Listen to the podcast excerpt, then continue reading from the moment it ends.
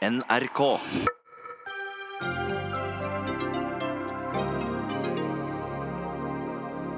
Sylvi Listhaug er ferdig som justisminister. Stortingsflertallet hevder den tause majoritet har vunnet. Men Listhaug lover å ikke gå stille i dørene når hun skal til Stortinget. Nok en gang står KrF og Frp i sentrum for konflikten i norsk politikk. Mens Listhaug kaller KrF et parti helt uten ryggrad, sier Kjell Magne Bondevik at hun ikke har skjønt så mye. Carl I. Hagen syns sortien er veldig, veldig trist. Og om norsk politikk har blitt en barnehage, skal Dagsnytt 18 forsøke å heve debatten til SFO-nivå. Vi oppsummerer dramaet de siste dagene.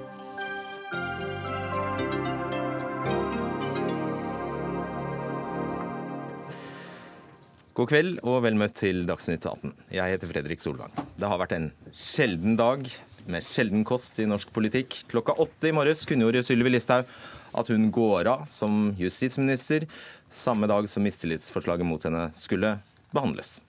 Og På pressekonferansen sa hun at det politiske Norge har utviklet seg til en barnehage siste uka, og hun måtte være, hun måtte være den voksne ved å trekke seg. Siv Jensen, leder i Fremskrittspartiet og finansminister. Er Jonas Gahr Støre egnet til å bli statsminister i Norge? Nå var det i hvert fall sånn at uh, Vi hadde et valg i høst hvor et flertall av velgerne ikke ønsket at Jonas Gahr Støre skulle bli statsminister.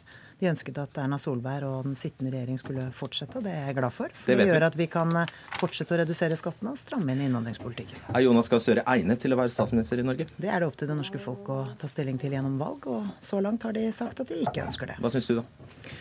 Jeg vil jo ikke at Jonas Gahr Støre skal bli statsminister. Nei, det vet vi, men er han egnet som Ja, Det vet vi jo ikke før han har prøvd, da. Okay. Men eh, jeg, sto, jeg, har jo tillit til at Jonas har et ekte engasjement for å være med i politikken. Men jeg er dypt uenig i veldig mye av det Jonas Gahr Støre står for. Eh, og derfor mener jeg at det er bra at ikke vi fikk et regjeringsskifte med Jonas Gahr Støre som ny statsminister. Sylvi Listhaug takket deg for å ha backet henne 100% Hvorfor godtar du at opposisjonen i realiteten overprøver deg som partileder og bestemmer hvilke statsråder Frp skal ha i regjering? Men det har de jo ikke fått anledning til. Sylvi Listhaug trakk seg frivillig i går. Vi hadde en eh, lang prat om dette i går kveld. Og hun mente, eh, fordi det var en reell risiko for Eh, at landet kunne gå ut i en regjeringskrise, at vi ville fått et regjeringsskifte, at vi ville fått Jonas Gahr Støre som statsminister. Det ville ikke Sylvi ta sjansen på. Hun mener det er bedre for landet at vi fortsetter å ha den regjeringen vi nå har. Og vi kan fortsette eh, å legge til rette for vekst og verdiskaping, for en stram innvandringspolitikk, for lavere skatter og avgifter og for utbygging av infrastrukturen. Hadia Tajik, nestleder i Arbeiderpartiet. Støre sa i innlegget sitt i Stortinget i dag at det var riktig og nødvendig at Listhaug trakk seg. Han sa at saken dypest sett handler om at stortingsflertallet ikke lenger aksepterer den dobbeltkommunikasjonen vi har sett fra statsråder i Frp i lang tid. Vi har gjort det klart at en justisminister ikke kan nøre opp under hat og konspirasjonsteorier, sa han. Var det ikke akkurat den dobbeltkommunikasjonen dere krevde en unnskyldning fra Listhaug? Altså, denne saken her handler jo ikke om hvorvidt man skal kunne være spissformulert eller være frekk eller freidig. Det må både Sylvi Listhaug og andre politikere være så mye som de orker. Men det vi så, var at eh, hun eh, valgte å spre det som var en usann og farlig konspirasjonsteori. Uh, direkte retta mot Arbeiderpartiet, men som òg rammer flertallet på Stortinget, når hun påstår at uh, man vil sette sikkerheten til terroristene over nasjonens sikkerhet. Det er usant, det er farlig. Og hun valgte å spre det og nekta å beklage innholdet. Og derfor ble det krevd en unnskyldning, en beklagelse fra henne. Det ble det. Mm.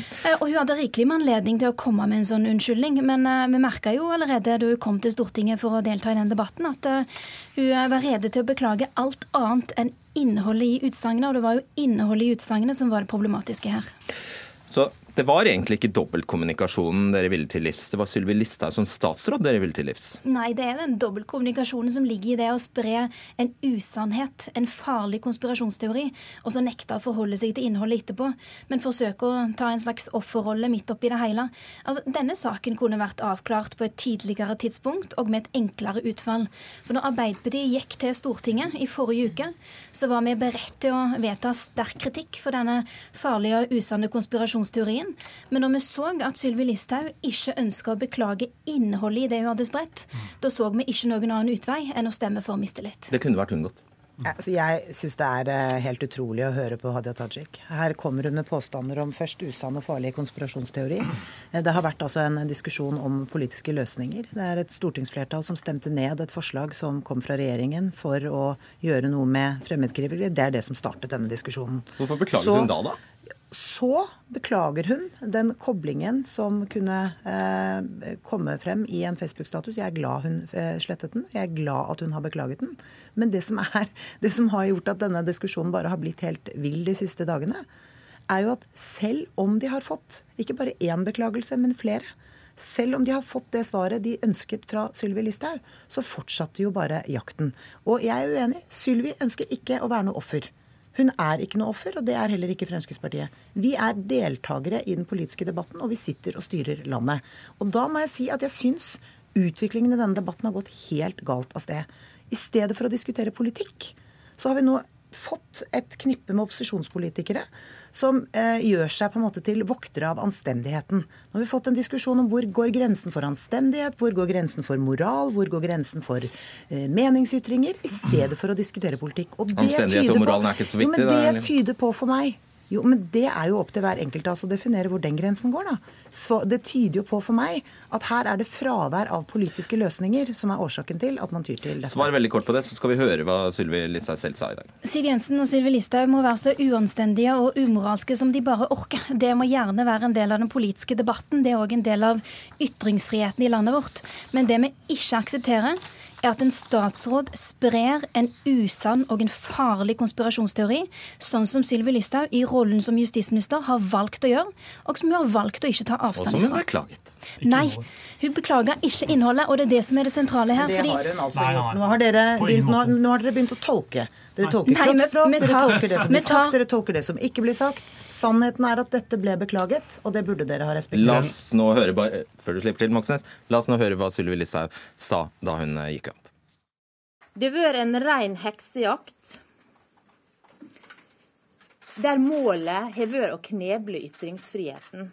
Jeg har valgt å trekke meg av hensyn til Fremskrittspartiet, fordi jeg ønsker at Fremskrittspartiet skal være med på å styre Norge. Fordi jeg ønsker at Jonas Gahr Støre aldri skal bli statsminister. Jeg mener han er ikke egnet til det. Vi har en god regjering. Alternativet med Jonas Gahr Støre vil være en katastrofe for Norge. Den katastrofen vil jeg ikke at folk skal måtte oppleve. Jeg registrerer hva KrF har gjort eh, i denne saka her. Jeg opplever det et parti totalt uten ryggrad, uten styring, uten uh, vei videre. Knut Arild Hareide, leder i KrF. Sto Sylvi Listhaug for en annen politikk enn regjeringen? Nei, hun sto for regjeringens politikk, men hun hadde jo da den evnen til å ytre seg på en måte der hun bevisst valgte å dobbeltkommunisere. Så da ville du aldri kunne ha felt denne regjeringen basert på det hun sa? Siden hun sto på regjeringens politikk? Ja, Vi fikk jo denne saken som nå har prega den offentlige debatten litt over ei uke. Og vi var med på å fremme sterk kritikk mot statsråden på den bakgrunn. Og så fikk vi spørsmålet i Stortinget i dag som vi måtte gi et svar på. Og det var har dere tillit til fungerende justisminister Sylvi Listhaug? Og da måtte vi svare ærlig på det, at når vi ser totaliteten, både med den saken, men òg det mønsteret som har vært gjennom en rekke år, eh, der hun har opptrådt som både innvandringsminister og justisminister, så var det ikke mulig for oss å svare at ja, vi har tillit til henne. Denne... og det måtte vi naturlig nok ta konsekvensen av. Så denne saken handler altså Sylvi Listhaug sto for regjeringens politikk, så denne saken handlet altså ikke om at KrF hadde mistillit til regjeringen som sådan? Nei, det var det ikke. Det var måten justisministeren opptrådde i statsrådsrollen sin. Nettopp. Det var nok det avgjørende. Og at hun da eh, gikk utover sitt mandat. Og jeg må jo si at det er jo særdeles grovt det hun gjorde når hun anklaga stortingsflertallet, og i særdeleshet Arbeiderpartiet, når vi kjenner historien bak 22.07, det hun gjorde, og at hun da bruker så lang tid, eh, så mener jo jeg at hun til slutt kom med en ubetinga unnskyldning. Hun brukte ikke ordet 'beklage', men en unnskyldning. Oh ja, så der har du hørt, hørt helt annerledes enn eh, Hadia Tajik, altså? Eh, jeg mener at det var jo sånn at til slutt så kom det en ubetinga unnskyldning i Stortinget. Hun hørte men, ikke. Men eh, det, det, det, var jo fire forsøk. Eh, men sånn sett, så i en parlamentarisk tradisjon, så kom den unnskyldningen til slutt. Men dagen i dag har jo vist at Sylvi Listhaug Hun står jo ikke bak i realiteten det hun sa i Stortinget i forrige uke.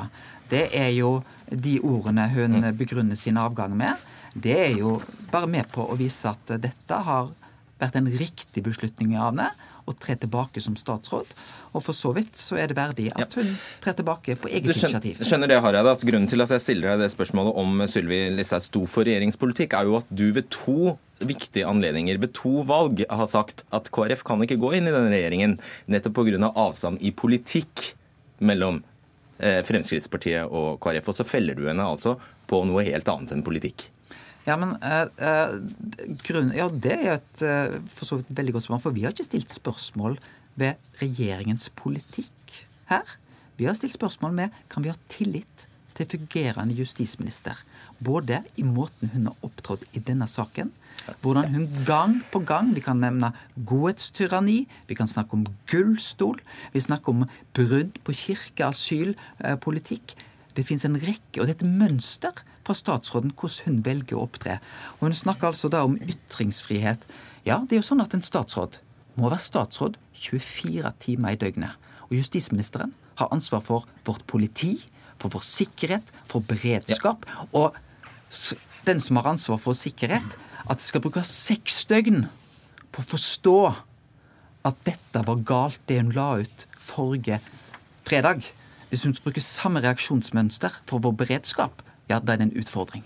Ok, svar kort. Jeg må si at jeg syns dette er litt vanskelig å henge med på. Fordi eh, hvis dette, som jeg, det var jo det jeg sa innledningsvis, dette handler jo ikke om politikk.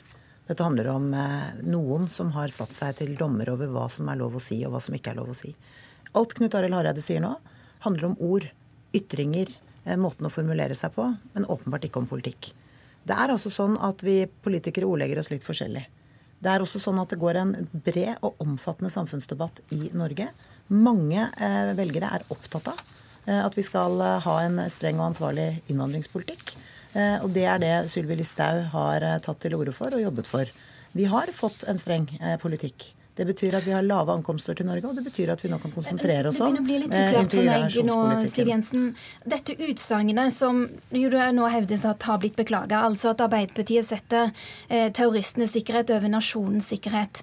Nå snakker du om dette som om det bare er en, en hvilken som helst spissformulering. Du snakker jo ikke om det som om det er den, den usanne, farlige konspirasjonsteorien som det faktisk er. Så bare for ordens skyld, tar du avstand fra innholdet i det, den påstanden? Det har jeg jo gjort flere ganger, og jeg har sagt at jeg syns det var bra bra at Sylvi Listhaug beklaget det selv. Er du òg enig i at det er forskjell på en hvilken som helst spissformulering eller en frekkhet? og Vi drar vel frekkiser alle sammen i politiske debatter. Og det å komme med en sånn usann og farlig konspirasjonsteori? Men nå bekrefter Hadia Tajik det jeg har sagt i hele denne debatten at eh, det er opposisjonen som har satt seg på en hest eh, og eh, Men, mener, og mener at de har og mener Jeg inviterer jo til at, at vi kan ha frekke og freidige debatter. Nei, det er akkurat jeg bare det du ikke en veldig tydelig grense når det gjelder konspirasjonsteorier. Nei, det er det som ikke Hadia, er akseptabelt. Det er ikke det du gjør. Du setter en grense for hva du mener at dine meningsmotstandere skal ha lov til å si og ikke. Jeg møter deg når som helst til debatt om hva som skal være innvandringspolitikk i Norge. Vi vet at Arbeiderpartiet går inn for å liberalisere den, Fremskrittspartiet går inn for å stramme den inn. Men i stedet for å diskutere det, så har vi nå endt opp i en diskusjon om hvor grensene går for hva man skal si og ikke si. Og jeg mener at det tyder på at Arbeiderpartiet har gått tom for politiske løsninger. Ok. Bjørnar Moxnes, leder i eh, Rødt. Dette er en seier for den tause majoritet som har reist seg i Norges land den siste uka, mot den høyreradikale minoriteten som under Listhaugs ledelse har fått herse med folk i årevis, sa du fra Stortingets talerstol. Inkluderer du høyrevelgere og venstrevelgere i denne majoriteten? Mange av dem som har kontakta meg eh, siste uka og gitt støtte til Rødts mistillitsforslag, som syns at det var gått eh, for langt, at det var gått langt over streken fra Sylvi Listhaug, og som eh, var glad for at noen ville sette ned foten og si at nok er nok, fordi det er forskjell på å være spissformulert, være svær i kjeften, som mange av oss, sikkert jeg også, tidvis kan være. Og på det som Tajik nevner helt korrekt, å spre farlige konspirasjonsteorier om Arbeiderpartiet. Det er noe ganske annet. og det sa folk flest at nok var nok for, og det er veldig bra at Stortinget satte ned eh, foten for. Tror du virkelig at Høyre- og Venstre-velgere ville felle sin egen regjering pga. denne Facebook-innlegget? Nei, men jeg tror mange av dem ville at eh, Listhaug skulle trekke seg for å unngå at regjeringen falt, og at det var riktig av henne å gjøre det, fordi det ble helt tydelig at stortingsflertallet ikke hadde tillit til ministeren, og da måtte hun åpenbart gå, og det var riktig å gjøre. og jeg har også fått meldinger fra flere i altså både Bent Høies parti og Skei Grandes parti som syns det var riktig å faktisk for en gangs skyld sørge for at det får konsekvenser når en statsråd eh, som Listhaug kommer med sine usanne, løgnaktige beskyldninger eh, mot andre, at det faktisk får konsekvenser for en statsråd som har mye makt og blir stilt til ansvar for det. Det var etter mange syn helt riktig og nødvendig å gjøre. En justisminister som heller bensin på hatets bål. Hvem er det egentlig som polariserer den politiske debatten? Det er en veldig presis beskrivelse av hva Listhaug gjør når hun sier at Arbeiderpartiet setter terroristenes rettigheter over nasjonens sikkerhet. Men det er en verbal stortromme, Moxnes? Ja, Det er eh, en veldig tydelig uh, uttalelse. Jeg kaller en spade uh, for en spade. Det må også Listhaug faktisk tåle. Men det vi ser, er jo at når altså vi da for en gangs skyld faktisk tar til motmæle mot maktpolitikere og gir dem kvalifisert motstand, for en gangs skyld, da er det å krype inn, rett inn i den sutrende offerrollen for Listhaug. Snakker om knebling og heksejakt. Bare tull. Altså, Jeg har stilt andre til ansvar tidligere, jeg, for et år siden, fremma mistillitsforslag mot altså, en byråd fra De Grønne i Oslo, for han var ansvarlig for søppelkaoset her i byen, stilles til ansvar for sine handlinger. Nå var det Listhaug sin tur, eh, fra Frp, stilles til ansvar for sine uttalelser. Det er helt riktig å gjøre med maktpolitiker. Det må også Frp faktisk tåle, uten å begynne å hyle opp om heksejakt og knebling. Det er litt barnslig, vil jeg si. Bent Høie, nestleder i eh, Høyre og helse- og omsorgsminister. Er du enig i at det Sylvi Listhaug gjorde i dette Facebook-innlegget, var dobbeltkommunikasjon? Jeg er enig i at det var feil. Er du enig i at det var dobbeltkommunikasjon? Men jeg mener det var feil, og det var òg noe som det var all grunn til å beklage. Og Det er også noe som også regjeringen og statsministeren har beklaga.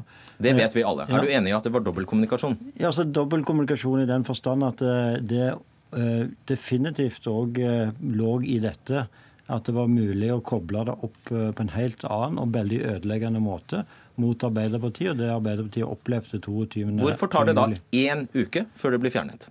Ja, det er poenget at det er fjerna, og det ble unnskyldt. Hvorfor tar det en uke, spør du? Jeg tror at, ja, det, det, det, det, må du nesten spørre andre om. Det er du som har bestemt at du skal være her, og ikke ja, Erna Solberg, så da må du nesten så, svare på spørsmålet. Men det, er fjerna, og det er unnskyldt. Ja, hvorfor tok det en uke? Fordi det er jo selvfølgelig vesentlig for alle oss andre. nettopp fordi kanskje kunne man ha avverget, kanskje, vet ikke. Kanskje kunne man avverget denne situasjonen om det ikke tok en uke. Det kan godt være, men det er fjerna. Det ble unnskyldt. Eh, og jeg opplever òg at unnskyldningen ble mottatt. Og jeg ser at vi igjen er tilbake igjen og diskuterer noe som egentlig ble unnskyldt i Stortinget i forrige, forrige uke. Eh, og vi burde nå egentlig kommet videre og begynt å diskutere politikk. Jeg tror velgerne i Norge ønsker at politikerne igjen skal begynne å diskutere politiske ja. løsninger. Ja. Hva sier det om Erna Solbergs lederemner hvis eh, hun først ikke klarer å få Listhaug til å fjerne innlegget, angivelig etter flere anmodninger. Deretter eh, eh, tar det flere dager før hun fjerner det, og så flere dager før hun unnskylder det.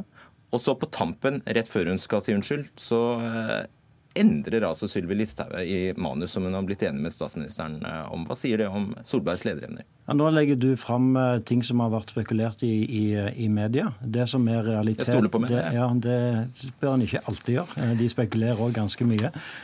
Så jeg tror at det som er realiteten i saken, det at det er unnskyldt. Det er sletta. Statsministeren har unnskyldt det. Eh, og eh, nå er, burde vi egentlig bruke tiden på å diskutere faktisk det som jeg tror folk er opptatt av at vi politikere diskuterer, nemlig hvordan vi skal eh, styre dette landet videre, og de politiske løsningene. Men det sånn skal sies, så er det altså ingenting i veien med Erna Solberg sine lederevner. Mm. Det ser bare hvor populær hun er ute i det norske folk. Hun er en sjelden populær statsminister. Hun har mistet justisministeren sin? hennes eh, justisminister gikk av fordi hun mente at det var til det beste for landet og for regjeringen. Det syns jeg det skal stå Etter at hun postet et innlegg på Facebook? Men dette har vi nå diskutert i halvannen uke. Det er jo på tide kanskje at også Dagsnytt 18 kommer videre og kanskje setter noen politiske saker på. Vi skal det, tro meg. Etter den dagen. Ja, jeg lover. Hadia Tajik, Per Sandberg er innsatt som ny justisminister. Eh, hva syns du om det? Altså, Vi får jo se da, eh, hvordan det går. Han må jo få en sjanse, han eh, som alle andre, til å vise at eh, han holder mål i den rollen. Mm. Og Da må han levere både på beredskapsarbeidet, men han må selvfølgelig òg ikke være en sånn justisminister som sprer hatefulle konspirasjonsteorier. Vi skal høre hva Per Sandberg sa 23.11.2011. Hvis det er noen som har spilt offer etter 22.07, så er det til de grader Arbeiderpartiet. Og Dette utbruddet kom altså etter at AUF-leder daværende AUF-leder Eskil Pedersen hadde kritisert eh, Frp. Eh, Sandbergs uttalelse førte til at mange Arbeiderparti-representanter gikk gråtende ut av stortingssalen, og Siv Jensen svarte. Jeg hørte Arbeiderpartiet si tidlig etter 22.07 at nå skulle vi ha mer ytringsfrihet. Det jeg nå hører fra Arbeiderpartiet, det er at vi skal ha en, eh, et ytringsansvar på de premissene Arbeiderpartiet vil at vi skal debattere på. Det er ikke ytringsfrihet, det er ytringskontroll. Som om det var i går, altså. Eh, skal du fremme mistillit mot Per Sandberg nå, da? eller? Nei, jeg tror eh, man kan finne eksempler på mange personer som har sagt mye dumt. Eh, og dette utsagnet fra Per Sandberg det syns jeg var ganske grovt og eh, støtende. Eh, han imponerte meg ikke i den debatten. Men han skal få muligheten til å få lov til å imponere oss alle i den rollen han nå har fått som fungerende justisminister. Men skal du være se. konsekvent, må du jo nesten gjøre det. Altså, Han skal bli bedømt som justisminister på den jobben han gjør i den rollen. Og jeg må jo bare si at jeg var jo ikke spesielt imponert over det han gjorde da. Men eh, hvis det er sånn at han nå har skjerpa seg og vil gjøre en vesentlig bedre jobb, så må han jo få anledning til å vise det. KrFs, eh, KrF har et enormt ansvar for at flere titalls mennesker, unge mennesker født og oppvokst i Norge som reiser ut og slutter seg til terrororganisasjoner, driver med krigshandlinger og massakrerer barn og kvinner der ute. Dette er det KrF som har ønsket, og resultatet ser vi i dag, sa Per Sandberg. Har du tillit til ham? Jeg har tillit til han, den uttalelsen. Og det er forskjell på å være stortingsrepresentant Eh, på å være en vanlig borger, og det å være statsråd. Er du statsråd, så forplikter du på dine uttalelser 24 timer i døgnet. Han er jo statsråd. Ja. Og jeg har lyst til å si, Per Sandberg, jeg er ikke alltid enig med han i politiske saker, men jeg syns han har forstått rollen som statsråd på en god måte. Han har vært fiskeriminister nå eh, i to år og gjort det godt. Jeg vet han er sterkt engasjert i justispolitikk. Eh, jeg ser fram til å følge han. Eh, nå er det vel ikke bestemt hvem som skal ha den jobben permanent, men vi må gi Per Sandberg en mulighet. Men han veit òg at når du sitter som statsråd, det er en spesiell, både ærefull eh, og en posisjon med stor makt og innflytelse, men det forplikter 24 timer i døgnet. Hva slags pek er dette, Siv Jensen? Jeg sitter jo egentlig bare og venter på at du skal finne frem et lydfil fra noen år tilbake hvor jeg har sagt noe som noen har reagert på. Altså, det er jo sånn den politiske debatten går. Eh, vi er uenige. Vi har meningsforskjeller, og vi bruker ulike ord. Men, men Siv Jensen, er, syns du ikke det er en forskjell på det du sier, det du informerer, det du kommuniserer som statsråd? Jo, jo, jo. Ja, men jeg er helt enig i det. Som statsråd så har du konstitusjonelt ansvar overfor Stortinget, og det har Per Sandberg forstått, og det forsto også Sylvi Listhaug, og det forstår jeg. Men det som gjør denne debatten litt meningsløs, er at man trenger, trekker også frem Eh, gamle sitater. Nå brukte du Per Sandberg fra 2011. Det er altså syv år siden. Eh, for det var for å teste hvor konsekvente de var. Ja, og det er kjekt. Du kunne helt sikkert funnet frem når jeg snakket om snikislamisering i sin tid. Det står jeg fortsatt ved for øvrig. Og for å vise og, at det ikke har skjedd så veldig mye i debatten. Det var også et poeng. Ja, og det syns jeg i og for seg er illustrerende. Fordi vi står der vi har stått hele tiden. Vi diskuterer ikke politikk. Eh, vi har noen som opphøyer seg til å være meningspoliti, og jeg er uenig i det. Moxnes, et sekund. Jeg tror vi har et tidsskille nå, altså før og etter eh, i dagen i dag. fordi eh, Fram til nå så har jo eh, bl.a. Syver Listhaug, tidligere også andre fra Frp, kunnet herse ganske fritt og angripe veldig svake grupper med veldig knallharde verbale angrep uten å ha fått eh, møtt tilstrekkelig eh, motbør. Nå i dag har vi satt ned foten for dem på en måte som jeg tror kommer til å gjenklang framover. Og vi kommer til å møte Listhaug med en langt tøffere motstand enn tidligere eh, i Stortinget når hun kommer tilbake dit, enn de har opplevd fram til nå. Vi har også vist at flertallet i Norge er på vår side og er enig at det er riktig å sette ned foten okay. for disse kreftene. Det er et lite stykke unna Moxnes at du får flertall Ja, vi hadde flertall mot dere i Stortinget i dag, så det var jo greit. Um, Bent, ja, nei, nå var det din tur, Tajik. Altså, Nå fortsetter jo Fremskrittspartiet å innta offerrollen her. fordi Nå spilte du av eh, lydklippene fra Per Sandberg. Eh, og jeg og flere med meg sa jo at han må jo få en sjanse som justisminister. Og likevel så velger Siv Jensen å innta offerrollen. Det er nå likevel sånn Hva slags offerrolle er det jeg har fordi inntatt? Fordi du valgte å si at her er det folk som vil opptre som et slags ordpoliti. Og det er, det er jo ikke det vi Men er. det å gå inn i en offerrolle? Stortingsrepresentanter. Ja, det er det faktisk. For det er ingen som er ordpoliti. Fordi jeg er uenig med deg i de ordvalgene du bruker? Men da er det du som er ordpoliti, Siv Jensen? Jeg sier at vi må diskutere, vi må diskutere altså, saken. Altså, unnskyld meg, nå må jeg bare få korrigere litt. En stortingsrepresentant kan si ganske mye løye. Og Stortingsrepresentanter er jo de er valgt av sine velgere. Men det er nå engang sånn at justisministeren og statsrådene de er justisminister for oss alle sammen. Og de må òg opptre på den måten der. Og det vi har sett, er at deres justisminister har valgt å spre det som har vært en usann, hatefull, farlig konspirasjonsteori, som ikke bare rammer Arbeiderpartiet, men som rammer hele stortingsflertallet. Og det, den, den, forakten som dere har vist for stortingsflertallet, er jo det som har gjort at vi har havna i denne situasjonen. Det skal la Bent Høie nødvendig å bytte ut justisministeren. Altså, jeg tror at uh, den eneste måten å komme videre på, er rett og slett at vi alle sammen der inne altså, Det er ikke særlig lurt å tillegge andre, uh, andre motiver enn det de har. Men å helt ta oppriktig at vi har ulike løsninger, men alle sammen som sitter i det norske Stortinget, og alle som er i regjering, ønsker å gjøre Norge til et bedre land, men vi har ulike løsninger på. Og Det andre er å prøve å unngå eh, stempling, og der gjør vi feil alle sammen. Men jeg hører i denne debatten, jeg hørte i stortingsdebatten tidligere i dag, at selv om det egentlig er det underliggende temaet, så fortsetter en Eh, med en diskusjon om, om, disse tingene. Og Det tror jeg rett og slett at ikke velgerne setter pris på. Jeg tror at En av grunnene til at Erna Solberg er en veldig populær statsminister, er at hun så etter hennes egne ord er ganske kjedelig som hun sier, i debatten. Rett og slett fordi hun liker å holde seg til å diskutere løsningen og snakke om politikken. kan det også være fordi at Erna Solberg tillater seg å drive en parlamentarisme der hun altså eh, lar Frp drive dobbeltkommunikasjon og selv kan si ja, jeg, vil ikke bruke de ordene? Jeg tror faktisk at det er ganske grunnleggende positivt for demokratiet og at vi har ærlighet i den politiske debatten. Og ærlighet i den politiske debatten det handler faktisk også om at når det er en koalisjonsregjering der flere partier er med, så handler òg ærligheten om at en ikke dekker over at det av og til inngås kompromisser der ikke alle partiene er nødvendigvis er enig i det. Og Jeg tror det er positivt for den politiske debatten at vi òg er tydelige på at vi noen ganger har et annet standpunkt. med må inngå kompromisser for å finne løsninger. Eh, og Det er det òg som gjør at denne regjeringen fungerer godt som et eh, lag. Eh, for de må respektere at vi er ulike partier med ulike løsninger. Det var dagens reklame. Ja, det var det virkelig. Hareide, det er lov. Hareide, du skal få, et sitt spørsmål. Hvor mange har, og nå må du være ærlig, hvor mange har kommet bort til deg de siste dagene og sagt jeg skjønner ingenting av dette her. Skal dere felle en regjering pga. et Facebook-innlegg? Hvor mange har kommet bort til deg og sagt det? Eh, nå har ikke jeg vært sånn at jeg eh, har truffet noen som faktisk har kommet og sagt akkurat det. Men det er noen en variant over det, da. Eh, ja, det er noen som sier viktig at regjeringen blir sittende, samme hva.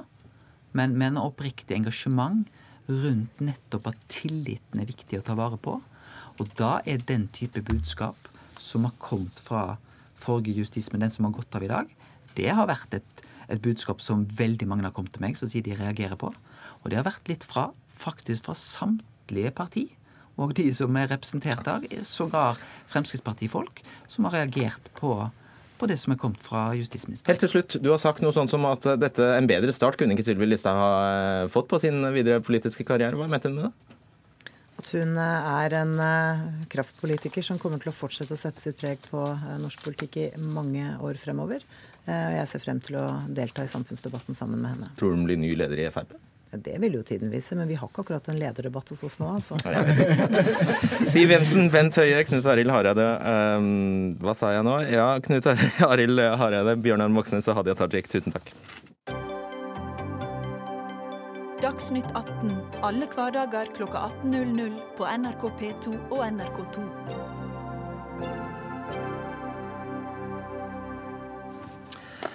Denne Listhaug-saken har jo ikke bare satt i gang duellen mellom Erna Solberg og Knut Arild Hareide. Den har også vekket til live to gamle kamphaner. Kjell Ja, gamle. Det. Kjell Magne Bondevik og Gamle helt ålreit. Er det greit? Ja, ja, ja, jeg er gamling. Velkommen, Kjell Magne Bondevik og Carl I. Hagen.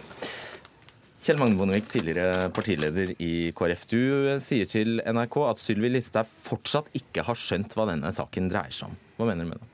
Jo, på sin pressekonferanse i morges så sa hun at det var en heksejakt på henne for å begrense hennes ytringsfrihet. Det viser jo at hun ikke har skjønt det. Hun må gjerne ytre det hun vil.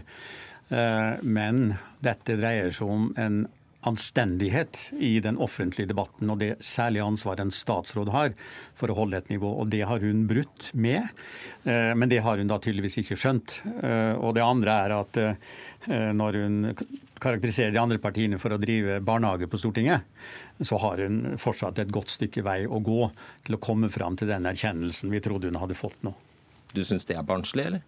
Det det jeg vil ikke bruke sånne uttrykk. Eh, og jeg regner med vi kommer tilbake til det. Jeg syns det er et forfall i språkbruken i eh, den offentlige debatt. Eh, sosiale medier gjør det lettere tror jeg, å slenge ut uakseptable ord og uttrykk. Ja, De må gjerne få gjøre det, det er ytringsfrihet i landet. Men det er ikke akseptabelt at en statsråd gjør det. Carl I. Hagen, tidligere partiformann i Frp. Før helgen sa du at hvis Sylvi Listhaug går ut av regjeringen, bør Siv Jensen ta ut alle statsrådene og gå i opposisjon. Eh, er du, er du dermed skuffet over Siv Jensen nå? Nei, det er jeg ikke. Jeg er skuffet over Erna Solberg, som ikke tydeligvis anmodet Sylvi Listhaug om å fortsette og som veldig tidlig uh, om Sylvi Listhaug sa at hun hadde gått over en grense når hun presenterte en spissformulering, men som det var dekning faktisk forhold i den konkrete saken om man skulle kunne ta passet fra fremmedkrigere for å hindre de fra å, å stikke av. Uh, det var en beskrivelse, og hun, statsministeren tillot at den ble tatt ut av sin sammenheng og gjort til noe helt, helt annet enn det den ytringen var. Uh, og så føler jeg at når det er Sylvi Listhaug selv som helt klart sier at hun gjør dette frivillig av hensyn til å være sikker på at ikke regjeringen må gå av, eh, så respekterer jeg Sylvi Listhaug for den avgjørelsen at hun satte la oss si, hensynet til folket og regjeringen foran seg selv. og Det fortjener hun ros for, selv om jeg syns det er veldig trist at han ikke fortsatt er justisminister. Bondevik. Ja, det var jo godt at hun endelig skjønte det. Eh, dette har jo mange av oss ment lenge burde være den helt naturlige utgangen på det. Hun burde ha skjønt det tidligere eh, og tatt konsekvensen av det. Men dette er jo, noen sier at det er jo bare en Facebook-melding, det er bare noen ord. Det er å bagatellisere. Det er klart at det som skrives og gjentas av Sylvi Listhaug på den måten, det er uttrykk for en holdning. Eh, og, en, og, det er farlige holdninger eh, som en statsråd sprer. Og vi ser jo hvilket grums som har blitt rørt opp i kjølvannet av dette. Jeg er oppriktig bekymra for anstendigheten i den politiske debatt. Statsråder skal være forbilder for andre, ikke minst for unge politikere. Og hva skal ungdom som vil inn i politikken tenke, hvis de regner med å møte den type debattform? Hagen. Jeg er helt enig i at vi bør ha en anstendig debattform.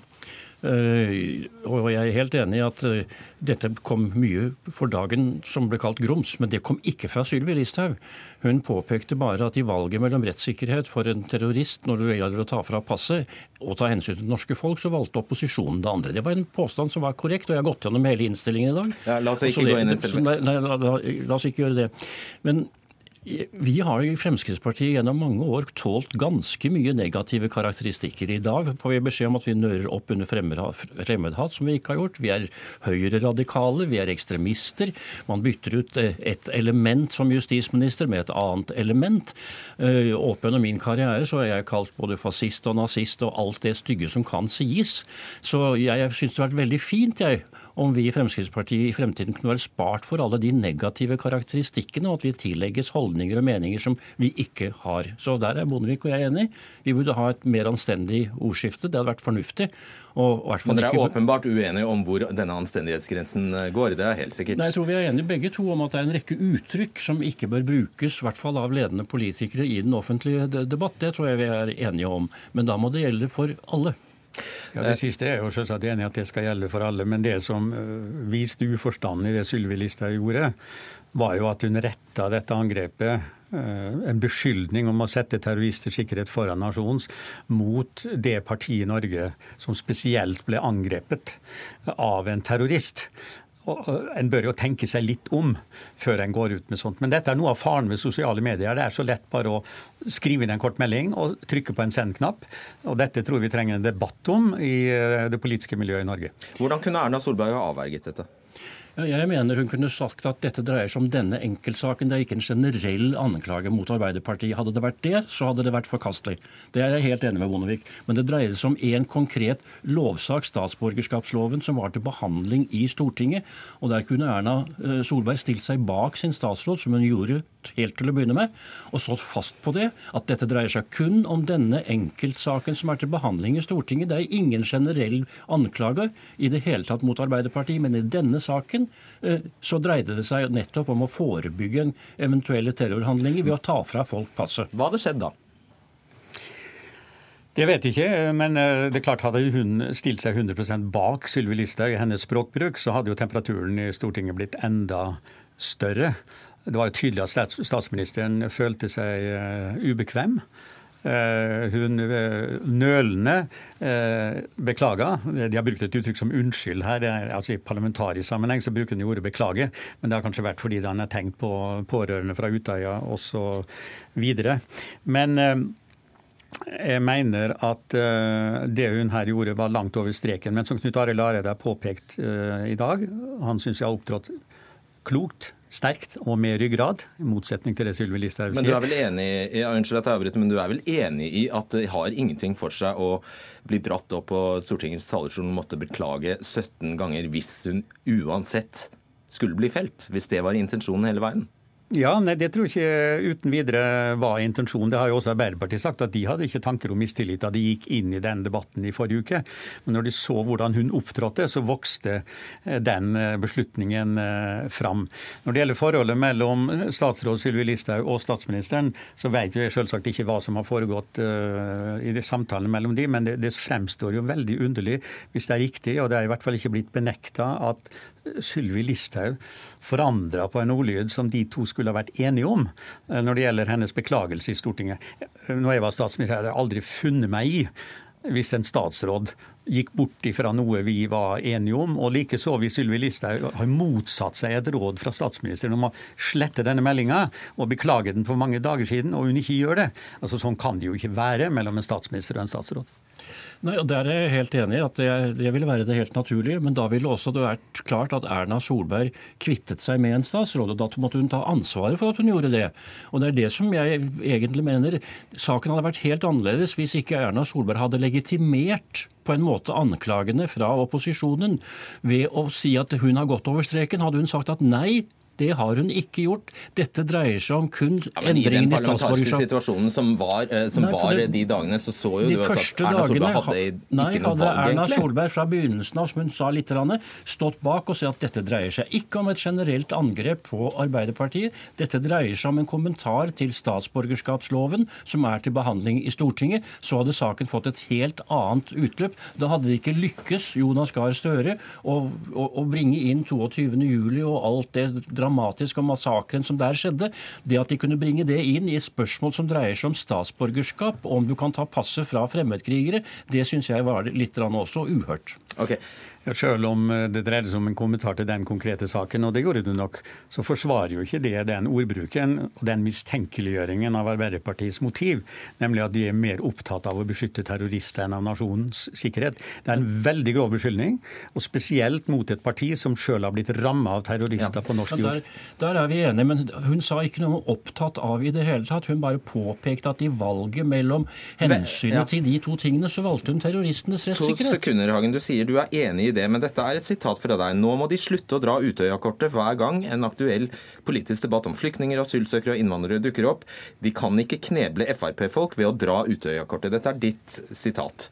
Ja, det er helt korrekt, og det mener jeg fortsatt. Ja, Det står jeg ved, og det mener jeg fortsatt. Det er jo blitt nesten umulig å diskutere. fordi så fort man begynner å snakke om terror og islam og, og terrorisme, så kommer det Det er vi som har vært rammet av terrorisme. Dere må slutte å snakke om det, dere andre. Det kommer ikke Fremskrittspartiet til å gjøre. Fordi jeg håper vi slipper nye terrorhandlinger i Norge. Men det å åpent ta imot fremmedkrigere fra IS tilbake til Norge som norske statsborgere uten å passe på de godt og ha muligheten til å ta fra de passet når de tro, PST tror de skal gjøre noe galt, det vil være uklokt. Og når dette er den rådende, herskende følelsen og oppfatningen i Fremskrittspartiet, så hjelper det vel ikke å fjerne Sylvi Listhaug? Vel, Det var hun som måtte stilles til ansvar nå for å ha gitt uttrykk for disse holdningene. For det var hun, eh, hun det dreide seg om. Hun er landets justisminister. Eh, jeg håper jo ikke at dette er et uttrykk for holdningene generelt i Fremskrittspartiet. Tror du ikke det? Nei, jeg tror kanskje ikke generelt, for det er forskjell på folk der også, som det er i, i alle partier. Men at hun har eh, mange støttespillere, bl.a. Carl I. Hagen, det, det, er vi jo klar over. Men når det gjelder angrepet 22.07, var jo ikke det et angrep bare på Arbeiderpartiet og AUF. Det var et angrep på hele det norske demokratiet, men de var særlig ramma. Og da må en prøve å ha den tanken i hodet sjøl om en kommenterer en konkret sak. Det var jo en beskyldning om et motiv, nemlig at en vil beskytte terroristene. Det var en uenighet om et politisk standpunkt, det må en kunne ha, uten at motivet blir trukket i tvil. Det var ikke snakk om motiv, det var en påpekning av et faktisk forhold, hvor man kunne velge mellom to to, to, hensyn. Og regjeringspartiene valgte å ta hensyn til sikkerheten for det norske folk. og Opposisjonen valgte å ta hensyn til terroristenes rettssikkerhet. Takk for gjensynet, dere to. Ja, jeg tror ikke dere blir enige. Tusen takk for gjensynet, Carl I. Hagen og Kjell Magne Bondevik.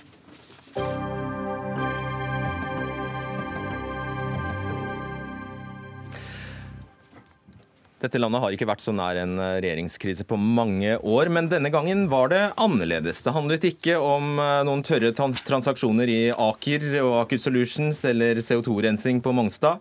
Denne gangen handlet, det om noe som har engasjert omtrent oss alle, hvert eneste menneske i Norge. Et, eh, en sak og et tema som opptar de aller fleste, og som rett og slett splitter oss. Knut Erik Eng, du er ordfører i Ulstein for, for Fremskrittspartiet. Det er en stor oppgave, men eh, hvordan eh, reagerer grasrota i Frp på at Sylvi Listhaug nå har gått av? Nei, jeg opplever at Sylvi har veldig brei støtte blant eh, grasrota i Frp. Det er i hvert fall de tilbakemeldingene vi får. Og jeg tror mange med meg føler at det er en litt trist dag at det, enda slik som det gjorde. Hva sier de? Skulle hun ha gjort det? Burde hun ikke ha gjort det? Vel, eh, jeg tror eh, det som jeg har fått tilbakemeldinger på, i alle fall, er at det, det var rett at hun sjøl tok eh, styringa på dette her, og at en ikke ble ja, men alle ser vel at hun, i, i at hun i realiteten ble presset til det. Det var det, eller at hele regjeringen måtte gå? Hun sier jo sjøl at det er høyst motvillig at hun går, men valget er hennes, og det, det tror jeg henne på. Irene Solli, du er nestleder i Agder eh, KrF og er med oss fra Kristiansand. Ble du skuffet eller lettet da Sylvi Listhaug gikk? Nei, jeg må si at uh, det var en lettelse over den beslutninga. Og den uh, oppfattes vel også her nede ganske unisont som en, den beste løsninga. Du på arbeidsplassen din i dag har skjønt at du ble møtt med løpesedler for Fremskrittspartiet og ble forsøkt vervet til Frp. Hva, hva er det uttrykk for? Et stort engasjement, helt klart. På hvilken måte? Hvordan har det merktes? Nei, Jeg jobber i en bedrift eh, hvor det diskuteres livlig eh, i disse dagene rundt eh, lunsjbordet. Og, og, på begge sider så utløser dette et stort engasjement, og det er en viktig sak. Og i dag har vært en alvorlig dag. Så jeg tror nok det er det som ligger til bunn for, for det. Mm.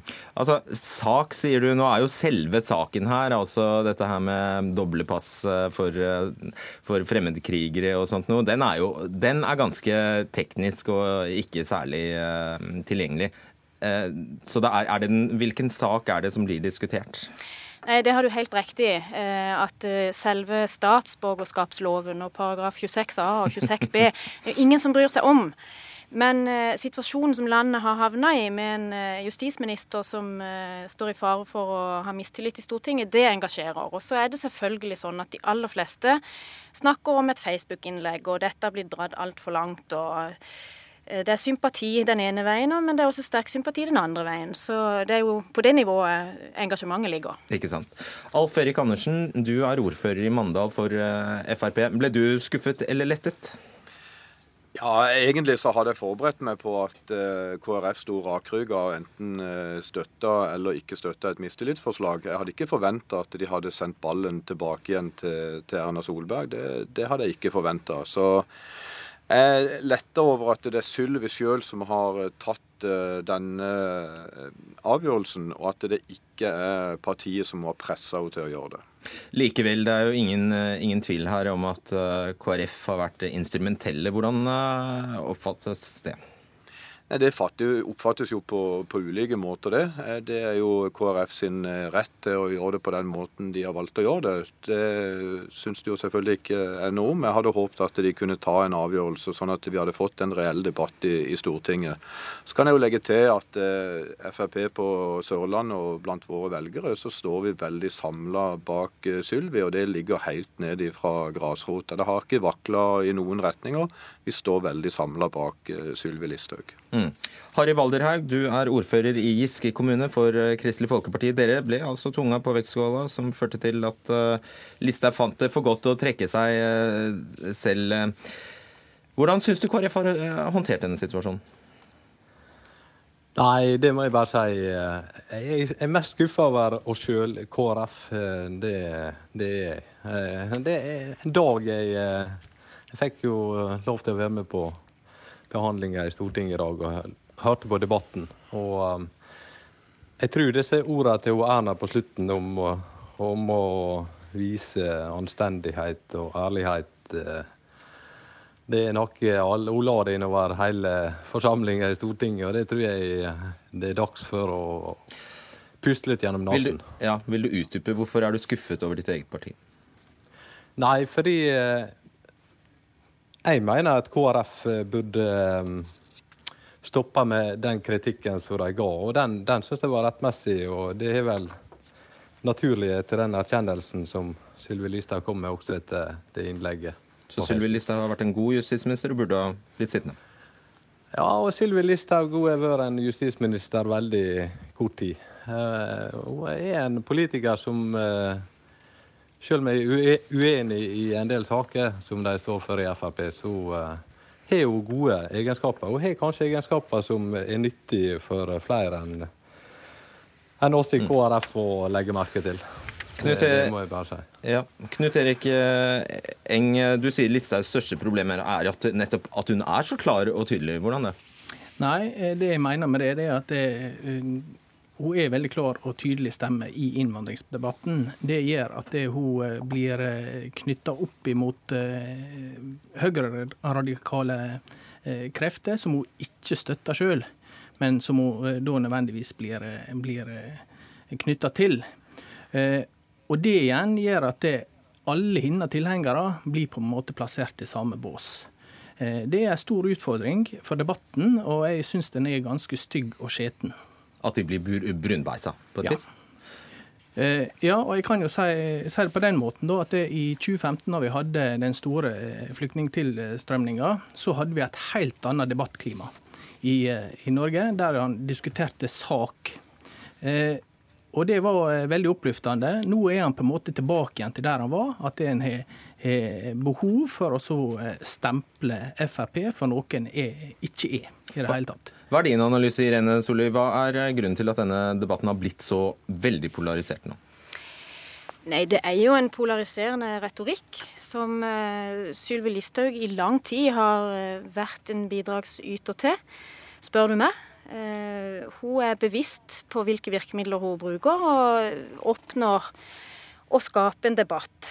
Eh, så er, det jo vis, så er det forskjell på velgere og politikere. og jeg tenker at Det er vårt ansvar spesielt som politikere å skape en god debatt. Være saklige og korrekte og passe på at ikke vi sprer halvsannheter som bygger opp under splittende holdninger og nedsettende menneskesyn. Hvordan syns du ikke det går? KrF synker og er nede på 3% på målingene. Frp går fram. Ja, det kan du si. Eh, nå er det sånn at eh, har, min partileder har vært eh, utrolig tydelig på, på, hva vi har ønska, og i forhold til å unngå en sånn en debattkultur som vi har vært vitne til over lang tid. Så jeg er veldig glad for at uh, han har tatt de grepene som han har gjort, med partiet i ryggen i forhold til det. Mm. Uh, Alf Erik Andersen i uh, Mandal, vi hører altså om vervekuponger, eller altså forsøk på verving til Frp på arbeidsplassen til Solli. Er, er det en slags mobilisering på gang her?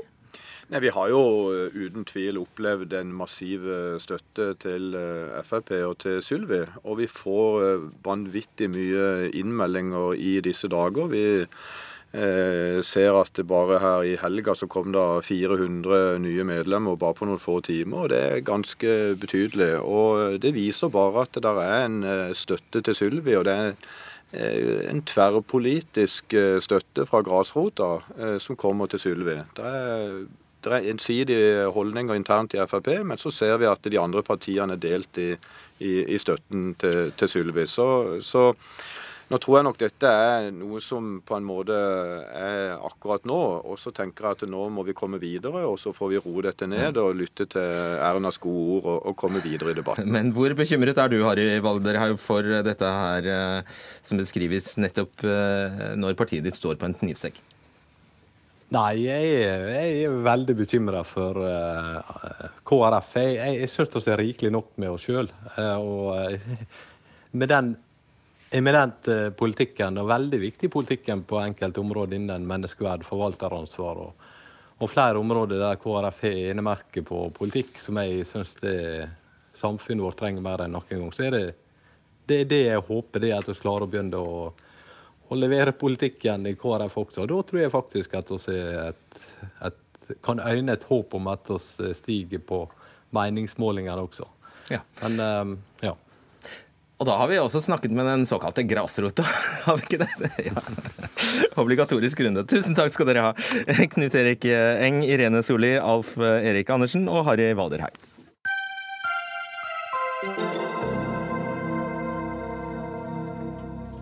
Skal altså Sylvi Listhaug tilbake til Stortinget, hvor hun som sagt lover å ikke gå stille i dørene. Eh, hun har altså sagt at norsk politikk har blitt en barnehage, og hun sa at prosessen som felte henne ligner en hekse. Eller det er en heksejakt, sa hun faktisk. Magnus Takvam, politisk kommentator i NRK. Kunne Erna Solberg på noen som helst måte ha regjert videre med Sylvi Listhaug som justisminister? Ja, altså det kunne hun. Eh, men det hadde blitt eh, politisk vanskelig, selvfølgelig. Det lå jo an til, etter min mening, at eller denne, denne beslutningen til, til Sylvi Listhaug som ble kjent i morges, kom jo overraskende på alle. Hun tok alle på senga. Alle kommentatorene tok vel så godt som alle tok vel feil? Og, og alle, alle, politikerne, bortsett fra den ja, innerste kretsen. Men poenget er da at det lå jo da an til en, en spennende votering i Stortinget om et mistillitsforslag. Og de fleste uh, regner nok med at i siste liten så ville det være vanskelig for KrF, som var delt i spørsmålet om, regjering, eh, regjerings, eh, om regjeringens fortsatte liv, ville stå løpet helt ut. Og da ville jo situasjonen vært at Sylvi Listhaug hadde fortsatt. Vet vi noe om det? Har det lekket ut noe om hva KrF hadde bestemt seg for å gjøre i tilfelle et uh, De, det hadde de. og altså, KrF var nok det partiet som var aller mest lettet i dag, fordi de slapp å ta den beslutningen. Så det var ikke eh, Det hadde de ikke gjort. Og De hadde ikke bestemt seg?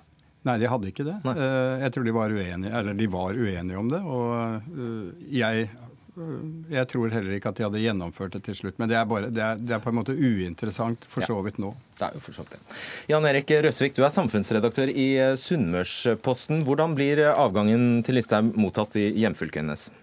Jeg tror det er helt avhengig av hvem du spør. Eh, reaksjonen i KrF her er jo helt sikkert, som Takam sier, en betydelig grad av lettelse for å, å, å slippe å stå for et sånt valg.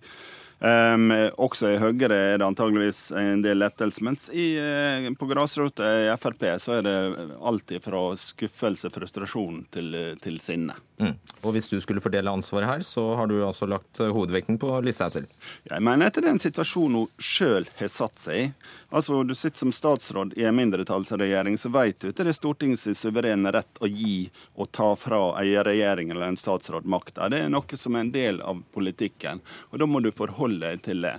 Og det kan du si sikkert at den saka her fikk en dynamikk og en kraft som hun ikke har forutsett i utgangspunktet. Men i løpet av den uka som gikk fram til, til, den såkalte beklagelsen kom, så hadde hun mange muligheter til å korrigere seg inn ifra det. Eh, det drøyde hun med i det lengste, og dermed satte hun seg sjøl og regjeringa i en stadig vanskeligere situasjon. Hege Ulstein, politisk kommentator i Dagsavisen. Hva hadde du på forhånd trodd at dette skulle ende med? Jeg liker ikke å tro så veldig mye på forhånd, egentlig, og særlig ikke når det er så uavklart som det var nå. Men eh, jeg skal være ærlig nok til å innrømme at eh, jeg nok også ble overraska klokka to på åtte i dag, eller når det var, da den nyheten tikket eh, inn om at hun trakk seg frivillig. For da, når det hadde gått så langt, over så lang tid og så mange dager, og det ikke var noen tegn til, til å vike, og vi også hørte at statsministeren var innstilt på å sette hele regjeringen inn på å beholde Listhaug, så, så, var jeg temmelig overbevist om at nå gikk det til en situasjon i salen hvor man satte hardt mot hardt. Og så var vel jeg, i likhet med Magnus og de fleste andre, mest spent på hva KrF ville gjøre i en sånn situasjon. Mm. Så skjønner jeg at du er kritisk til at hun For hun går jo ut med et smell. Eh, tar på seg offerrollen. ja.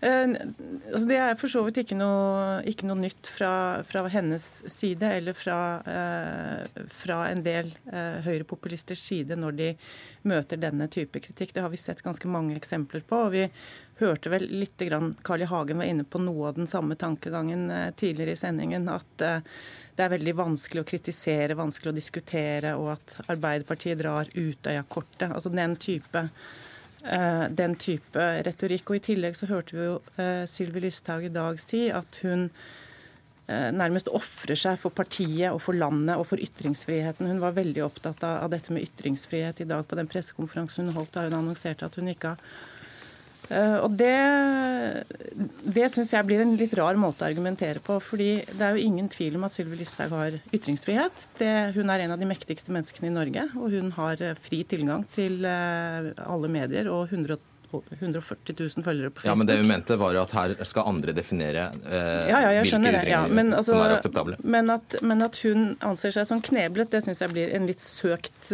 beskrivelse av situasjonen. for å si det sånn. Ja. Altså det som eh, er spennende selvfølgelig eh, i denne situasjonen, er bl.a. hvordan eh, Sylvi Listhaug kommer til å opptre i tida som kommer. Jeg kan bare nevne før vi går videre på det, at jeg tror også partiet Høyre var veldig glad for det som skjedde i dag. Og isolert sett så kan det godt hende at denne regjeringen når det gjelder arbeidsformen, får det, eller arbeidshverdagen, får det lettere, men at de politisk får det vanskeligere. fordi det er blitt eksponert helt tydelig at det er en mindretallsregjering. Det er et parti eh, utenfor regjeringen som er budsjettpartner, KrF, ikke uten videre støtter eh, regjeringen. Så det, det, er det ene. Og hvis denne talen til Listhaug i dag var et forvarsel om en slags eh, skal vi si eh, ny eh, fristilt opprørspolitiker som ikke tar noen hensyn, så tror jeg heller ikke at Fremskrittspartiet som kollektiv eh, har, eh, tjener på det. Og jeg har snakket med, med partiet, som nå sier at det de forsøker å gjøre, er å eh, snarere enn å skal vi si, rendyrke innvandringsprofilen som partiets varemerke, vil bredde seg ut og bli et parti på flere områder. Slik at eh, det er ikke åpenbart at partiet vil heie på en, en, en uh, Sylvi Listhaug i den rollen som, som uh, hun i hvert fall varslet i dag. Hun sa jo, Røsvik, jeg vil ikke forandre meg, jeg vil være meg selv, si det jeg mener og gjøre det jeg tror på. Eh, når hun altså nå skal tilbake til eh, Stortinget, hva tror du vi kan vente oss? Jeg tror det blir mye snakk om spader fremover.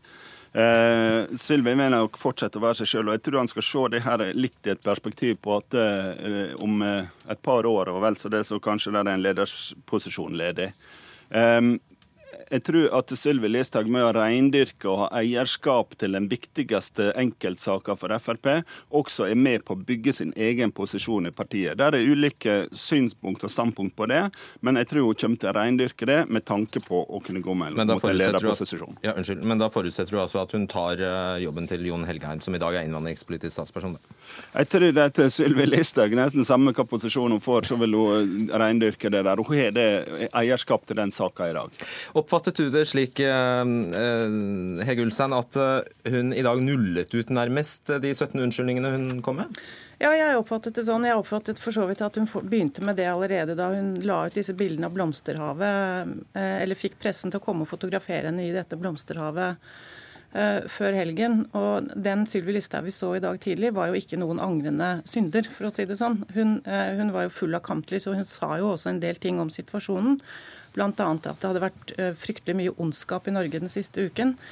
Uh, og, at, uh, og, at, hun uh, og dette hun sa om Jonas Gahr Støre, om at han ikke er egnet til å styre landet, som er en veldig hard retorikk mm. å bruke i en sånn situasjon. Ja, det var jo ikke en ydmyk statsråd vi så.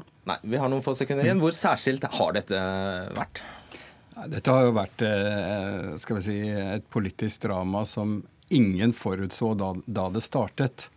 Eh, og altså, Det er første gang eh, i verdenshistorien holdt jeg på å si, at et innlegg i sosiale medier eh, nesten holdt på å ende i en regjeringskrise. Eh, slik at eh, Sylvi Listhaug er enestående på, på, på, mange måter, også som bidragsyter til, dette, til, til denne politiske krisen som nå ble løst i dag. Takk skal dere ha. Jan Erik Røsvik med oss fra Sunnmørsposten, Hege Ulstein, Dagsavisen og Magnus Takvam, NRK.